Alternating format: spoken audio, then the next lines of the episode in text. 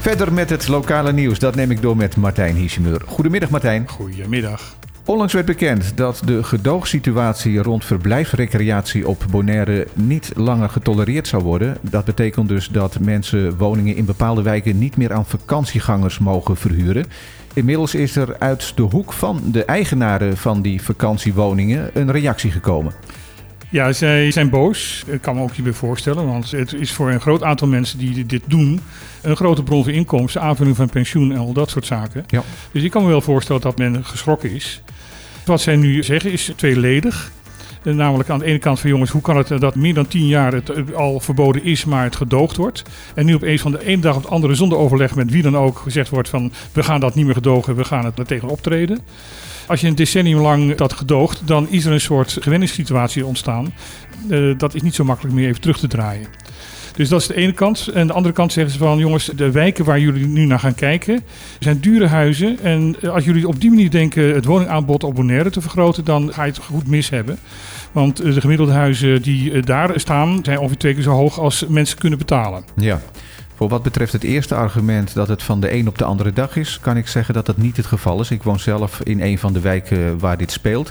En al meer dan een jaar geleden zijn de bewoners erop gewezen dat dit niet langer gedoogd gaat worden. Dus dat klopt niet. Dat klopt niet. En wat ik ook opvallend vind, eh, de aanzegging hebben ze al een maand geleden gekregen en nu pas reageren ze. Ja.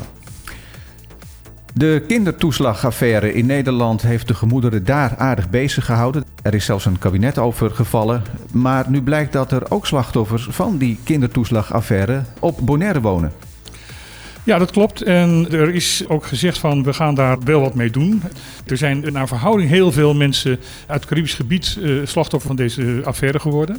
Dus ook in Caribisch Nederland is er dus gezegd van we gaan er wat aan doen. Het blijkt dat op Sint-Eustatius en Saba eigenlijk geen getypeerde wonen, zich niet gemeld hebben. Op Bonaire is dat wel zo.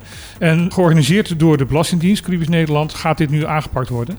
Wat men dus hier wil is mensen die in de problemen zijn gekomen door de hele affaire een frisse start geven. Dat zijn dus mensen die in Nederland in eerste instantie daarbij betrokken zijn geweest en later dus Uit nood teruggegaan zijn, wellicht uit nood naar in dit geval Bonaire. Nou, in de meeste gevallen is dat uit nood, omdat ze dus gewoon de, ook de, de situatie in Nederland wilden ontvluchten. En gewoon naar het vertrouwde eigen eiland wilden teruggaan, waar ze in ieder geval familie hebben die ze kunnen opvangen. Inderdaad. Er is overal een tekort aan personeel. Niet alleen in de horeca, maar ook veel luchtvaartmaatschappijen kampen met dat probleem. Amerikaanse luchtvaartmaatschappijen hebben nu aangekondigd een aantal vluchten te moeten schrappen, omdat er nou eenmaal geen piloten genoeg zijn.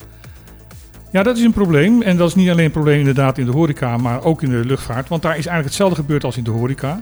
Mensen zijn ontslagen door de hele COVID-crisis en door alles wat er toen gebeurd is. En zijn andere dingen gaan doen en hebben eigenlijk geen zin meer om weer terug te keren naar een oude beroep, een oude, bedrijf. Ja. Omdat ze vaak daar ook slecht werden betaald.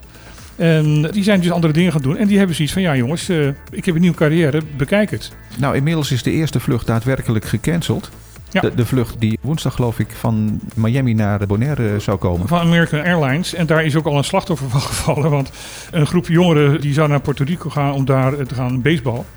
En eh, die hebben dus niet eh, daar naartoe gekund, omdat het vliegtuig niet ging. Ze willen er vandaag naartoe, maar het is al bekendgemaakt dat het eerstkomende vlucht waarschijnlijk pas zaterdag gaat komen. Dus ze zullen niet aan het toernooi mee kunnen Nee, gaan want de American vliegt alleen op maandag, woensdag en zaterdag. Ja. Dus dan zouden ze via Curaçao moeten vliegen, willen ze daar nog tijdig aankomen.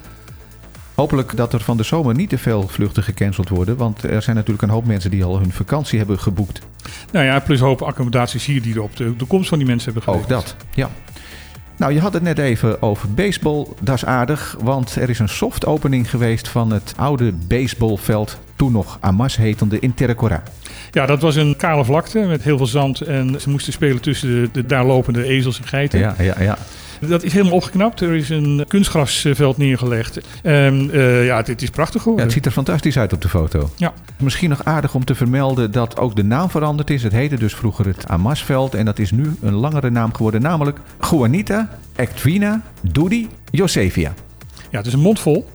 Dat is de vrouw in de wijk die eh, heel erg veel eh, voor sport heeft betekend. En gezorgd dat onder andere dat veld er überhaupt in de tijd kwam. Ja, een mooi eerbetoon dus.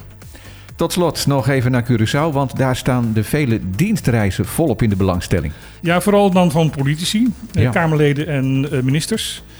De- Het budget van dit jaar van 400.000 gulden is halverwege het jaar al met een ton overschreden. Zo, dan zou je zeggen, dan kunnen ze ook niet meer vliegen. Ja, nou goed, ze vliegen nog steeds en ze halen links en rechts geld bij elkaar. Ja, Eh, deze week is bijvoorbeeld een tripje naar Atlanta, de Atlanta Braves, ook baseball gepland, met een eh, delegatie van 25 leden voor een sponsorevenement. dat gaat dan heel hard. Dat begrijp ik, 25 keer vliegen. Ja, en Amico meldt dat er ook weer een grote delegatie naar een eh, bijeenkomst in het Caribisch gebied gaat. Het blijft maar doorgaan. En de kritiek daarop, die begint wel steeds meer aan te zwellen. Want eh, voor een aantal basisvoorzieningen in het land is geen geld.